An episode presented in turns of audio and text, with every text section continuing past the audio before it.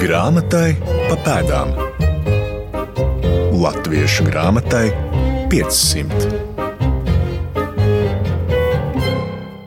Mērķeli var pētīt un pētīt. Zināmais un nezināmais mērķelis. Šie ir tikai daži izteikumi, ko dzirdu no pētniekiem par garlību Helviku Mērķeli, vācu baltiešu literātu, publicistu un literatūru kritiķi, apgaismības ideju pārstāvi, kurš ar saviem publicistiskajiem darbiem aicināja atcelt dzimbūšanu Baltijā un sekmēja latviešu nacionālās atmodas kustības ideju. Mans vārds Laima Slava, un uzklausot literatūras, kultūra vēstures un vēstures pētniekus, atklājas ļoti darbīga, aizrautīga, tāpat laikā saurupa un arī pretrunīga personība. Iesāk vēstures doktors Jānis Šiliņš, iezīmējot svarīgāko. Garlības mērķis ir liela, diža personība ne tikai Latvijas mērogā un Baltijas mērogā, bet varētu teikt pat tādā no Eiropas, centrālās Eiropas vismaz mērogā. Līdz ar to vēsturisko kontekstu ir ļoti daudz, kādos mēs varam runāt, atcerēties Merķeli un kur viņš ir nozīmīgs gan kā var teikt, viens no modernās žurnālistikas pamatlicējiem, kā kara propagandists, cīnītājs pret Napoleonu un, protams, Latvijas un arī droši vien Igaunijas kontekstā, kā cīnītājs pret zimbūšanu un par cilvēku brīvību un tā tālāk. Un, nu, viņš arī ļoti pretrunīga persona gan savā laikā ir bijis, jo viņam bijis ļoti daudz pretinieku. Viņš, starp citu, pat ar to ļoti lepojies, ka viņam ir visvairāk ienaidnieku no rakstošiem literātiem savā laikā. Un pēc tam, es domāju, pat mūsdienās droši vien uz Merķeli nu, tā viennozīmīgi pilnīgi nevar skatīties, jo no vienas puses ir viņa šī lielā cīņa pret zimbūšanu, kas izrādījās sekmīga, bet no otras puses, piemēram, mēs taču visu laiku arī kā vēsturnieki un arī plašāk sabiedrībā vienmēr kritizējam to 700 gadu verdzības mītu, kur faktiski autors viņš bija. Viņš pirmais toreiz gan nebija 700, toreiz bija 600 gadu verdzības mīts, bet nu, viņš tā kā ielika šīs idejas, no kurām mēs nevaram vēl ar vienu tikt vaļā. Tā kā, nu, Merķels, jā, viņš ir tāda ļoti liela, vērienīga personība. Varas ir mainījušās, bet viņš vienmēr ir aktuāls, un arī pat mūsdienās ir aktuāls. Viņam lielajā jubilejā notika arī liela konference, un rakstkrājums labs eh, iznāca. Iesaku visiem izlasīt ļoti daudz ko uzzināt par viņu personību daudz to kontekstu, kuros mēs varam runāt par uh, šo cilvēku. No daudzajiem kontekstiem, kuros iedziļināties garlība Merķeļa personībām, šo raidījumu veltīsim viņa nozīmīgākajam darbam, publicistiskajam traktātam Latvieši, sevišķi vidzemē, filozofiskā gadsimteņa beigās. Grāmatai pa pēdām. Vidzemes lauka mācītāja dēls Garlības Helviks Merķelis ir devis nepārvērtējamu ieguldījumu latviešu kultūras, pašapzināšanās un izpratnes procesos, kaut pats ne vārda nav uzrakstījis latviešu. Strādājot par mājskolotāju pie Liepupas draudzes mācītāja, tad Nītauras draudzes Annas mužā top Merķeļa pirmie literārie sacerējumi. Dzējas un tulkojumi. Annas mūžā viņš strādā pie grāmatas Latvieši. Pēc manuskripta pabeigšanas dodas uz Leipzigu, kur 1796. gadā darbs tika izdots. Latvijas Nacionālajā bibliotēkā tiekos ar literatūras zinātnieci Māru Gruduli. Pētniece Mērķeļa devumu labprāt skata plašā kultūra vēstures kontekstā, un viņas prāt par maz tiek runāts par diviem citiem Mērķeļa darbiem Vidzemes senatne un Vanems Imanta latviešu teika. Tomēr šoreiz rosinu domas pie darba latvieši latviešu viņš saraksta, būdams gana jauns. Jā, ir arī vesela virkne ar hipotēzēm, tā kā viņš ir tik bagātīgi materiālu klāstu izmantojis tik ļoti daudziem. Atsaucies, tad, piemēram, arī Nacionālās bibliotekas pētniece Kristīna Zaļumā uzskatīja, ka iespējams īstie manuskripta autori ir citi, un tieši tādēļ, ka Garlīvs Merķels bija tik jauns, viņa prestižu un viņa teiksim, stāvokli sabiedrībā nekas nevarēja apdraudēt, ja viņš šādu manuskriptu laidīs klajā, ka varbūt pat uh, tas ir uh, citu ideju apkopojums, kas ir publicēts ar Merķeļa vārdu. Tādas idejas arī ir, bet nu, mēs gan zinām arī to no Merķeļa biogrāfijas. Viņam tēvam bija mājās liela biblioteka, protams, un viņš arī ārkārtīgi interesējās, jau var teikt, no jaunības par viņu filozofiskiem jautājumiem, tad arī par sociāliem jautājumiem, un arī protams, par literāriem jautājumiem. Ir plašs redzesloks. Tādu simtprocentīgu pierādījumu nav, bet idejas ir jā, gaisā virmo. Un tad viņa apņēmība, tātad šeit to nevar iespiest, viņš brauc uz Leipcigu. Jā, nu jā, jo darbs jau bija ļoti sociāli kritisks. Faktiski noteikti mēs varam teikt, ka tas ir viens no darbiem idejiskā ziņā, kas pievērsa vācu valodīgās Eiropas sabiedrības uzmanību arī Baltijas eh, zemnieku jautājumiem un noteikti arī stimulēja dzimbūšanas atcelšanu. Un, protams, ka šāda darba publicēšana izraisīja arī neapmierinātību Baltijas vācu virslānī, un to jau Merķeli zināja, ar ko tas var draudēt. Tāpēc viņš arī izvēlējās, un darbs arī tika publicēts ārpus Baltijas. Jā. Nezinu, vai Baltijā tas būtu bijis iespējams. Veidojās arī polemika un domapmaiņa starp Merķeli un citiem Attiecībā uz latviešiem, protams, tā polemika bija diezgan nikna. Merķels rakstīja par vidzemi, tad kurzemes mužniecība norādīja, ka tur gan ir viss savādāk un netrūkst arī pozitīvu piemēru. Protams, ka Merķels bija iesviedis uh, ūdenī, akmeni, kā tas gadās, un ne tikai šļakats, arī apli sekoja, un, protams, bija arī atbildes reakcija. Ja man jautā par Merķeli, tad varbūt, ka latvieši ir tieši tas, par kur es runāju visnelabprātāk jo šķiet, ka tas ir darbs, ko visi vairāk vai mazāk zina. Nu, varbūt mūsdienās vairs jauniešiem skolā par Merķeli nemāca, vai varbūt tik pietiekami nemāca, bet, eh, kad es gāju skolā, mums bija arī Merķels eh, jālasa, latvieši bija jālasa. Tas ir darbs, kas ir tapis tieši ar konkrētu nolūku lai pievērstu, kā jau es teicu, tātad uh, vācu valodīgās Eiropas uzmanību, demokrātiski noskaņotās sabiedrības uzmanību zemnieku jautājumam. Uh, Baltijā un arī domātu par tālākiem soļiem viņu sociālajā stāvokļa uzlabošanā. Līdz ar to Merķels to rakstīja vācu valodā, protams, lai šī sabiedrības daļa to var izlasīt. Tur ir diezgan daudz uh, pārspīlējumu, rādot uh, izteikti negatīvās krāsās zemnieku dzīvi. Un, protams, ka Merķeļa hiperbolas un Merķeļa vēlā valoda arī, arī sasniedz dzirdīgas ausis gan Vācijā, gan arī šeit.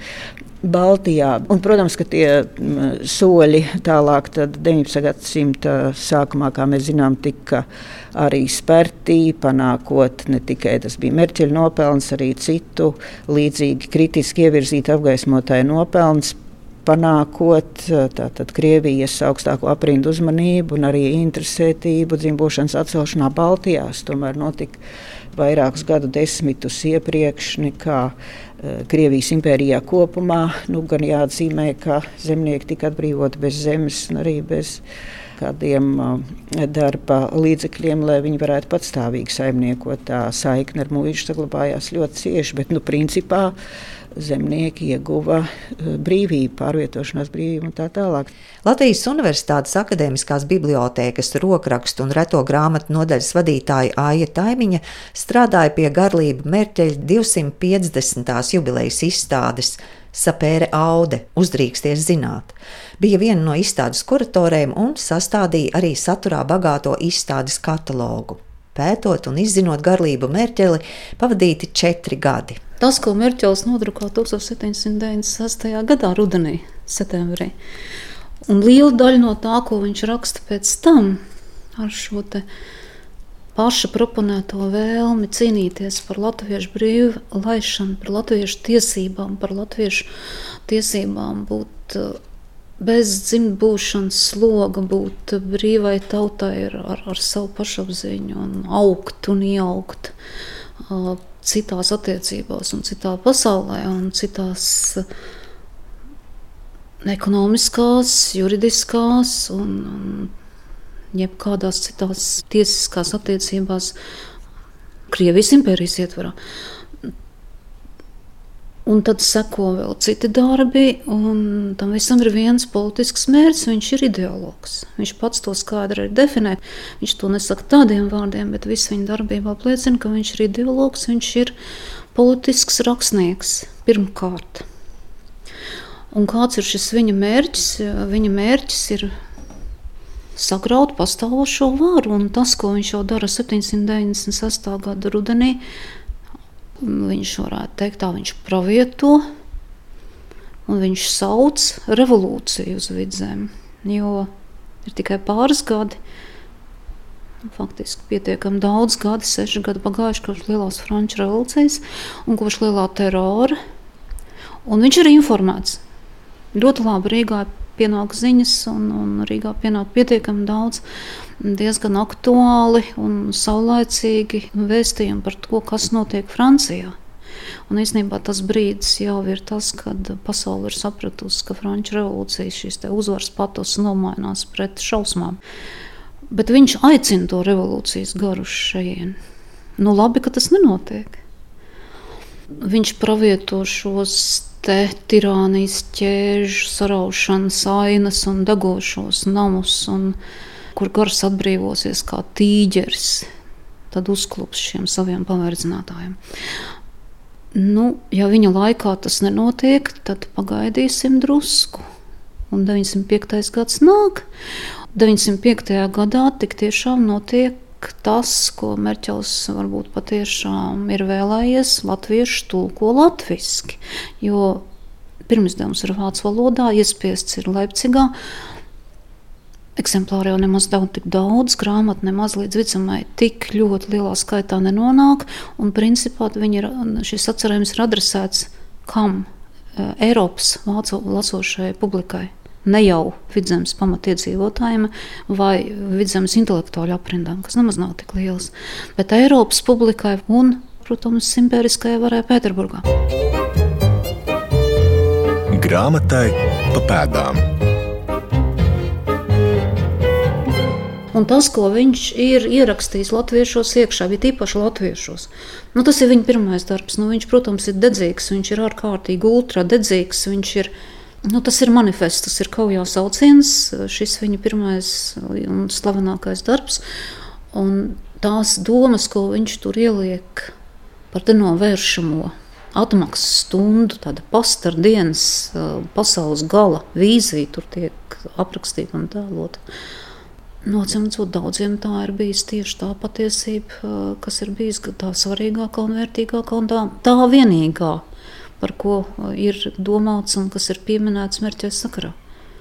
Atriepties tiem vietējiem vācu baltiešiem tikai tāpēc, ka viņi ir vācu baltieši. Nu, no otras puses, atkal tā, ko viņš pats saka par latviešiem. Nu, viņam, protams, ir polemistiski mērķi, un viņš vispirms apraksta tautas šo ceļu no brīvas tautas caur paverdzinātāju roku, nonākušiem dziļā postā un, un nonākušiem un pārvērtušamies par nekam īsti nederīgiem tādiem sabiedrības cilvēkiem, jo viņi ir apspiesti, viņu brīvība viņiem ir laupīta. Viņi ir slinki, viņi ir melīgi, viņi ir pieglaimīgi, lišķīgi, viņi ir zaglīgi, viņi dzer, viņi nodarbojas ar diezgan izlaitīgu dzīvesveidu, viņi nav čakli. Nu, šī ir tā aina, ko Eiropa uzzina par latviešiem. Un tāds tas ieskats ir no 1798. gada. Arī tad, ja šī mērķa grāmata nebūtu tik populāra, kā viņš pats uh, to uh, interpretē savos pašu raksturojumos. Un tā ir tā aina.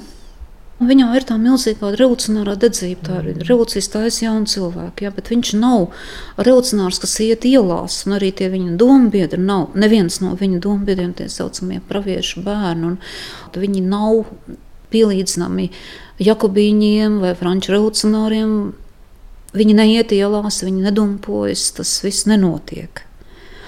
Bet tās grāmatas, tāda pēcskaņa, tomēr saglabājās gadu desmitiem ilgi, un viņi atjaunojas tieši Nacionālās atmodas laikā.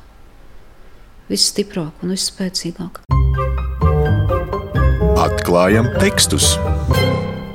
Māra Grudule citai nelielu fragment no latviešu pirmās nodaļas. Istabā, kas tik pilna ar dūmiem, ka var vai nosmakt, čum un muģ, tur sienu šķirbās, saspraust skalu gaismās, rosās saimnieks ar savu ģimeni. Kalpi ar savām, turpat arī vistas cūks un suņi pieaugušie skrandainos kamzoļos, bērni kā vasartā ziema, tais pašos kreklos, visi basām kājām.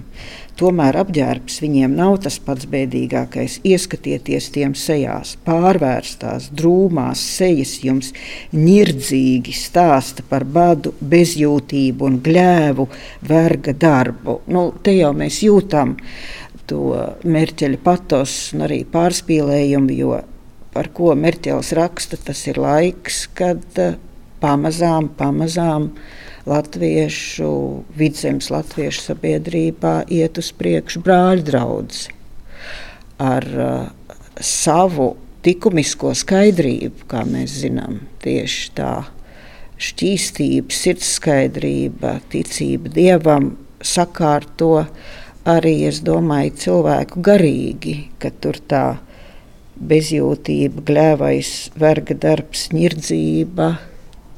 Droši vien kādi tādi zemnieki arī bija atrodami, bet tā nav visa latviešu sabiedrība.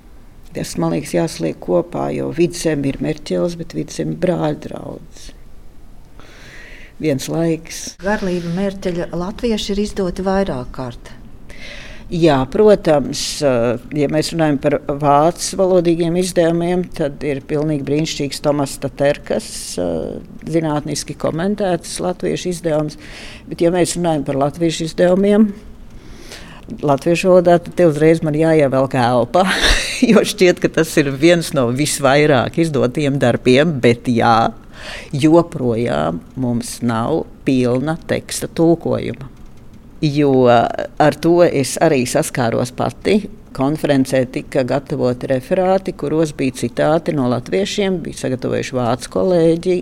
Izrādās, ka mērķi latvieši nav pilnībā tulkot latviešu valodā. Protams, tās visas vietas, kurās ir kritiska attieksme pret mužniekiem, pret mācītājiem, kritisks sava laika vērtējums ir tulkots, kur pretī parādās kādas epizodes, kur mužnieks ir izrādījies latviešu draugs akurāt eh, šīs epizodes nav tulkotas. Tātad eh, latvieši iznāca pirmizdevā 905. gada revolūcijas noskaņās, un ir pilnīgi pašsaprotami, ka sabiedrībai bija jādod ļoti skaidrs vēstījums.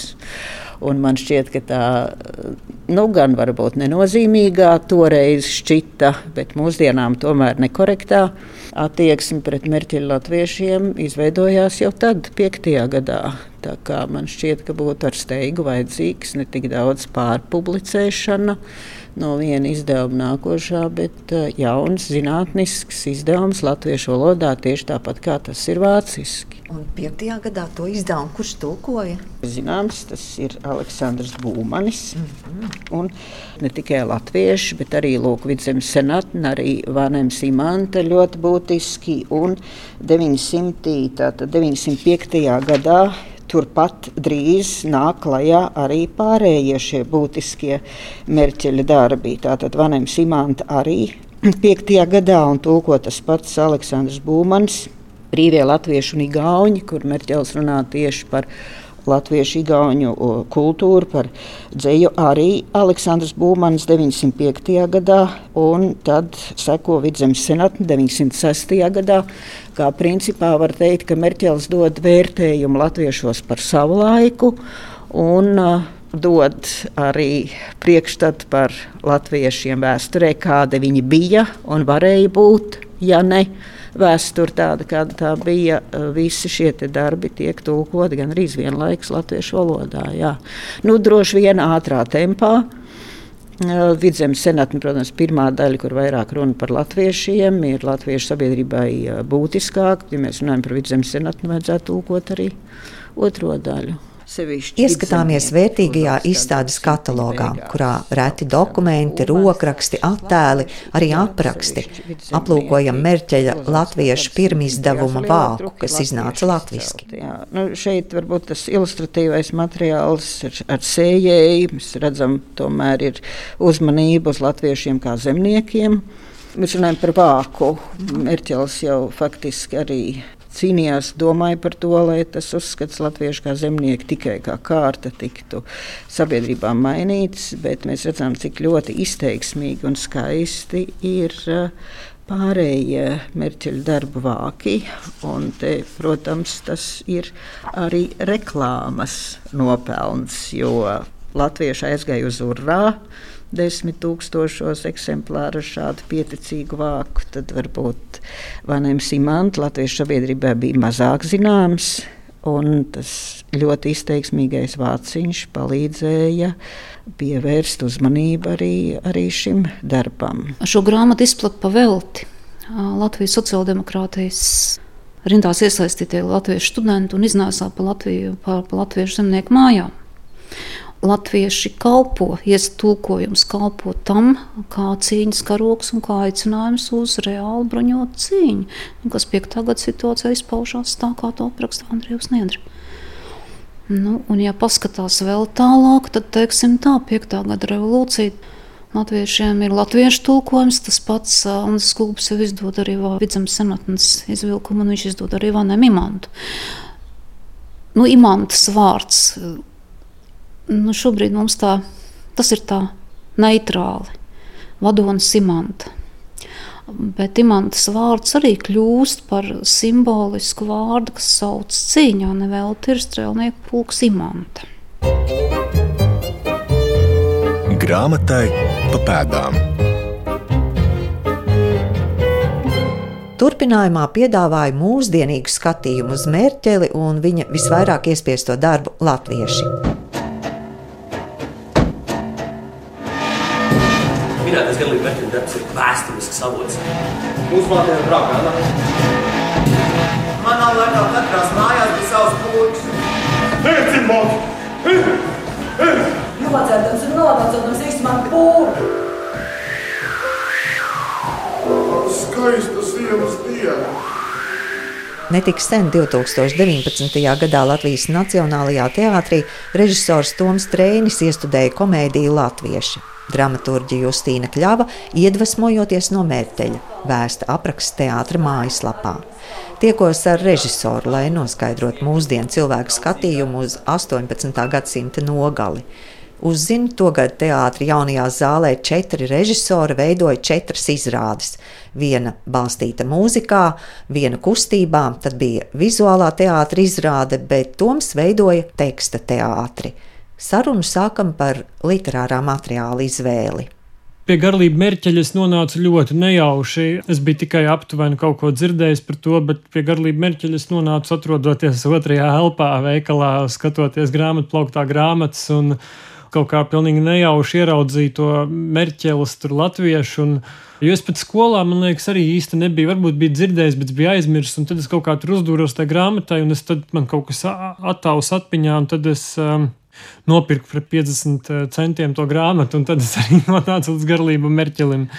Tas nebija īpašs eksemplārs, tas bija man šķiet tāds zaļos vākos. Es neatceros, kura gada tas ir. Padomju laikā kaut kad izdotas eksemplārs. Jā. jā, un tālāk jūs sadarbojāties ar Justīnu Kļāvu. Kā mm -hmm. tas veidojās, cik svarīgs bija šis teksts? Jā, nu, patiesībā teksts bija ļoti svarīgs šajā gadījumā, jo, nu, protams, man bija arī, kā daudziem, varbūt tāds priekšstats, garlības mērķēlis, tur latvieši, tur sevišķi vidzemē, filozofiskā, tur gadsimteņa beigās un tā. Un, un tā nodaļa patiesībā par latviešiem nemaz nav tik liela, viņa ir diezgan īsa. Un es kaut kā lasīju to darbu, un, un uzreiz sapratu, ka nu, tas ir kaut kā jāpārvērš kaut kādā teātris valodā.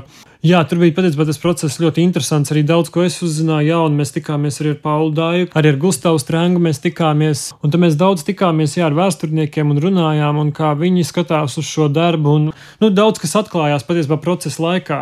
Es nezinu, cik viņam šobrīd ir tā aktualitāte, bet ir kaut kāds priekšstats tikai. Bet patiesībā jau kā mēs veidojot šo darbu, diezgan drīz nonācām pie tāda secinājuma vai tāda no, nojausmas, ka patiesībā viņš jau to rakstīja pret muizniecību, vairāk vai mazāk, ne tik daudz tā teikt, tur latviešu tās, tas iespējams ir daudz, kas ir sabiezināts un pielikts klāt, un, nu, tā teikt, fantāzija viņam ir strādājusi, lai tikai vērstos pret šo muizniecību. Nu, es arī nākot uz šo raidījumu pārlasīju Justīnas Kļavas veidotos eh, monologus Uldim Siliņam.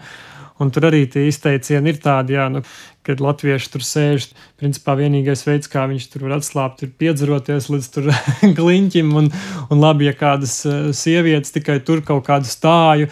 Bet tas viss bija patiesībā, nu, kā mēs arī to izrādi veidojām, mužniecības atcelšanā droši vien, ka vajadzēja.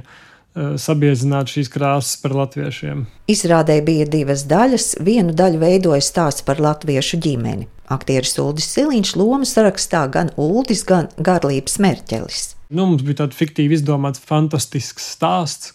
Viņi ir nodedzinājuši savu māju, lai iegūtu labāku māju pie muškungiem un tam līdzīgi.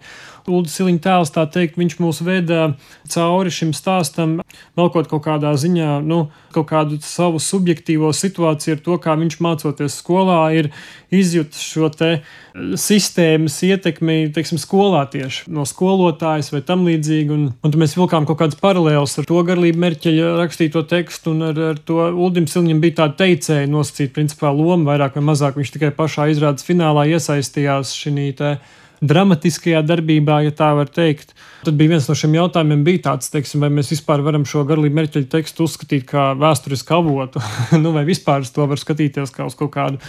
Nu, principā jau īstenībā baigi nē, laikam, jo nu, patiesībā jau tur ir ļoti daudz šīs, te, kā jau minēju, tas uh, sabiezināties skaidrs, ka viņš iestājās pret mužniecības apgaismības laiks ir un kaut kāda fantāzija pie fantāzijas tur bija, jā, tā teikt, jau aprakstītajos notikumos. Un jūs to pasniedzāt kā komēdiju. Tā tad nebija jāuztver gana nopietni. Viss. nu, te, principā, tā ģimene, kas bija iesprūdusi, mums bija tādas lielas uh, ragavas jaunajā zālē. Viņi, man tā atceros, tā sajūta bija tāda, ka to vajag skatīties kā muzeja eksponātu. Arī Ulas spēlēja tādu muzeja uzraugu.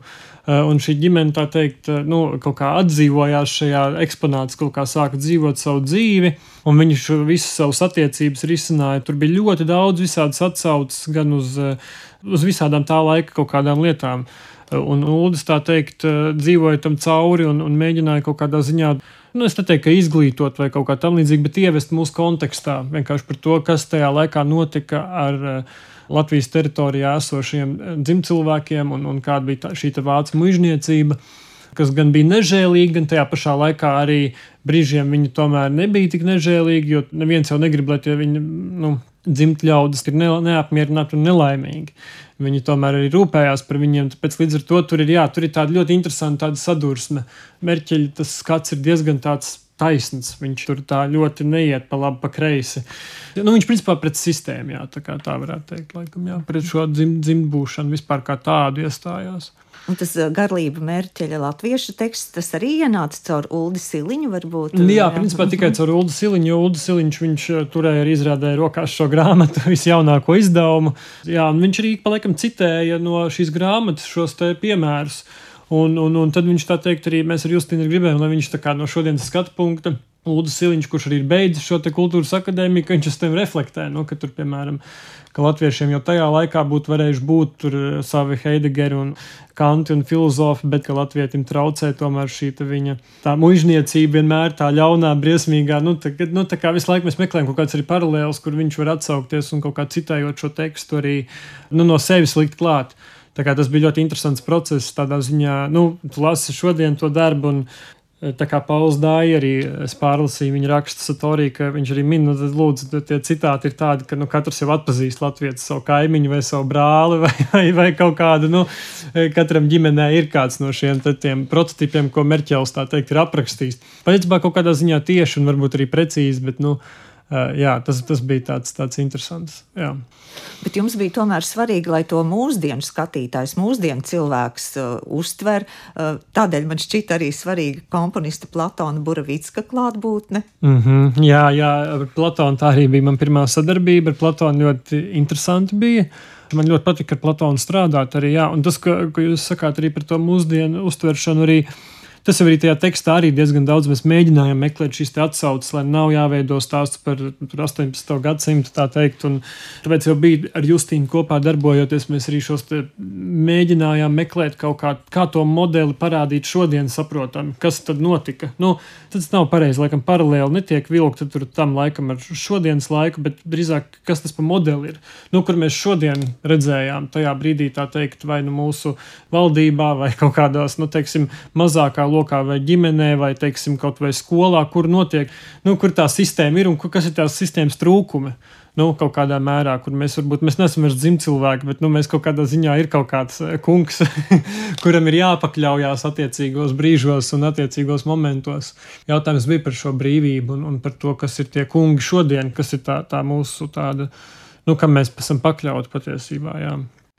Starp citu, Nacionālā teātra izrāde Latvieši ir nofilmēta un joprojām var iegādāties un skatīties izrādes ierakstu. Grāmatai pa pēdām. Ja latvieši ir, ir polemisks, un politisks un manifestējošs uzsaukums, visticamāk, uzsaukums būtu tas īstais vārds, kaut gan tā ir viena grāmata, kas ir adresēts tādai plašākai sabiedrībai. Tad Merķeļa plānā nākošais darbs vidzemes senatnē ir adresēts sabiedrības intelektuālajai daļai, proti, vēsturniekiem un tiem, kas ir ieinteresēti par vidzemes senatni. Ar domu, ka uz dokumentāla pamata tiek veidot brīvās tautas vēstures un tās paverdzināšanas historiografisks pārskats. Tātad uz mācītiem vīriem, uz zinātniekiem, uz pētniekiem adresēts darbs. Nu, un trešais sacerējums ir romantisks dabas, esejisks dabas literārs darbs Vanem Simanta, kas savukārt runā uz jūtām un stāsta par varoņu teiku, par vadoni, kas ved savu tautu cīņā. Tur ir imantas sapnis par brīvu tautu un par to, kā kādām ciešanām tā caurējot, tā nonāks pie brīvības. Un šis brīvības ģēnijs Un tas ir atkal Mājans Aleksandrs I. būs tas imperatora tēls. Ja? Bet tas ir adresēts tiem, kas mīl literatūru, kas uztver vēsturi, kas uztver pasauli ar emocijām. Nu, romantisma laikmeta sacerējums. Brīnišķīgā, tīrā formā, kaut gan viņš pats, un tas ir liels paradoks, viņš pats neilgi pirms tam ir ļoti agresīvi apsmējis taisni romantiķus. Noslēgumā Jānis Šiliņš sniedz kontekstu darba latviešu tapšanas laikam. Svarīgā grāmatzīme. Cerība uz to, ka cārs spēs atrisināt visas šīs problēmas, kas te uz vietām ir. Toreiz jau Krievijas impērija arī tas nav tikai tāds krievu tautas īpatnība, bet arī, nu, arī tajā laikā redz, ka tomēr tas labais cars, labā cara tēls un sliktie bajāri, jeb mužnieki, un kad lūk atnāks labais cars un visu atrisinās. Un, Merķels jau tiešām tam ticēja, nu, kad Cēlons arī izsludināja šo manifestu par zemnieku brīvlaišanu. Viņš tur sadedzināja savu to savai saplēst to savu otro manuskriptu latviešiem, jo domāju, ka tagad visas dzimbūšanas problēmas un visas zemnieku lietas ir atrisinātas un tā tālāk, lai gan tas tā gluži nebija. Krievija mums vienmēr ir bijusi aktuāla. Nezinu, vai par laimi vai nē, nu it kā jau nē, bet vēsturniekiem no otras puses ir interesanti ka nu, jā, arī šis konteksts, arī šis ģeopolitiskais, kur arī Garlības Merķels bija klāts, viņš arī nu, aktīvi piedalījās tā laika politikā un izpelnījās arī atzinību no Krievijas imperatora saņēma tādu diezgan normālu pensiju, arī mūžu no, no Aleksandra I par viņa darbiem saistībā ar dzimbūšanas atcelšanas šo propagandu. Nu, man grūti pateikt, cik viņš bija apmierināts. Un, piemēram, Gvido Straube ievadā latviešiem viņš jau dod tādus mājienus, ka viņš nepārāk cilvēki bija apmierināts ar, ar to notiekušo. Es neesmu šo jautājumu tā pētījis, bet varētu iedomāties, ka tā pirmā sajūsma par to, ka cars pēkšņi atceļ Igaunijas guberņā, kurzemes, vidzemes guberņās zimbūšanu, ka tagad liekas, ka tūlīt viss būs zem, zemnieki brīvi un laimīgi. Un Zeme plauks un tā tālāk, bet, bet tā realitāte jau bija nedaudz cita, jo bija ārkārtīgi ilgi pārējais periodi.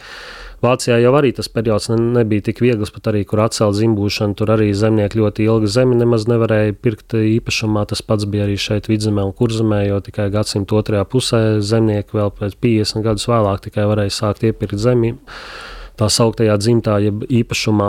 Līdz ar to arī paši tie pirmie tie soļi, arī dzimbūšanas atcelšanā, tie praktiskie viņi jau notika gadiem ilgi. Tas bija ļoti ilgs process, ļoti ilgi pārējais posms bija noteikti. Līdz ar to Nu, es tā pieļautu, ka, ja Merķele vēl mūžu nogalē šie jautājumi tā interesē, tad nu, diez vai viņš būtu apmierināts. Jo ļoti daudz zemnieku nebija apmierināti ar to, kā tas viss notiek. Un mēs zinām arī šos izteikumus par putna brīvību un tā tālāk. Un pat arī tie klaušu laiki pēc tam, kas sākās zemniekiem rentējot šo zemi, varbūt bija pat grūtāk nekā bija agrāk dzimbūšanā. Ja Latvijas sabiedrība garlību mērķeli galvenokārt zina pēc viņa jaunības darba latvieši, tad vācu literārā sabiedrība pazīst kā publicistu un kritiķi. Cik nežēlīgs un ass mērķelis bijis savos spriedumos, par cik dažādām tēmām rakstījis, to skaidrosim raidījumā pēc nedēļas. Starp citu, mērķelis izveidojis pirmo frontes laikrakstu Arī par to nākamajā reizē. Bet Garlība Mērķeļa publicistiskajā traktātā Latvieši, sevišķi vidzemē filozofiskā gadsimteņa beigās, man palīdzēja iedziļināties pētnieki Aija Taimiņa, Māra Grudule un Jānis Šiliņš, kā arī režisors Toms Trēnis. Saku viņiem lielu paldies! Izskan raidījums grāmatai pa pēdām, to sagatavoja Nora Mitspapa, Santa Lauga un Laima Slava. Tiekamies pēc nedēļas!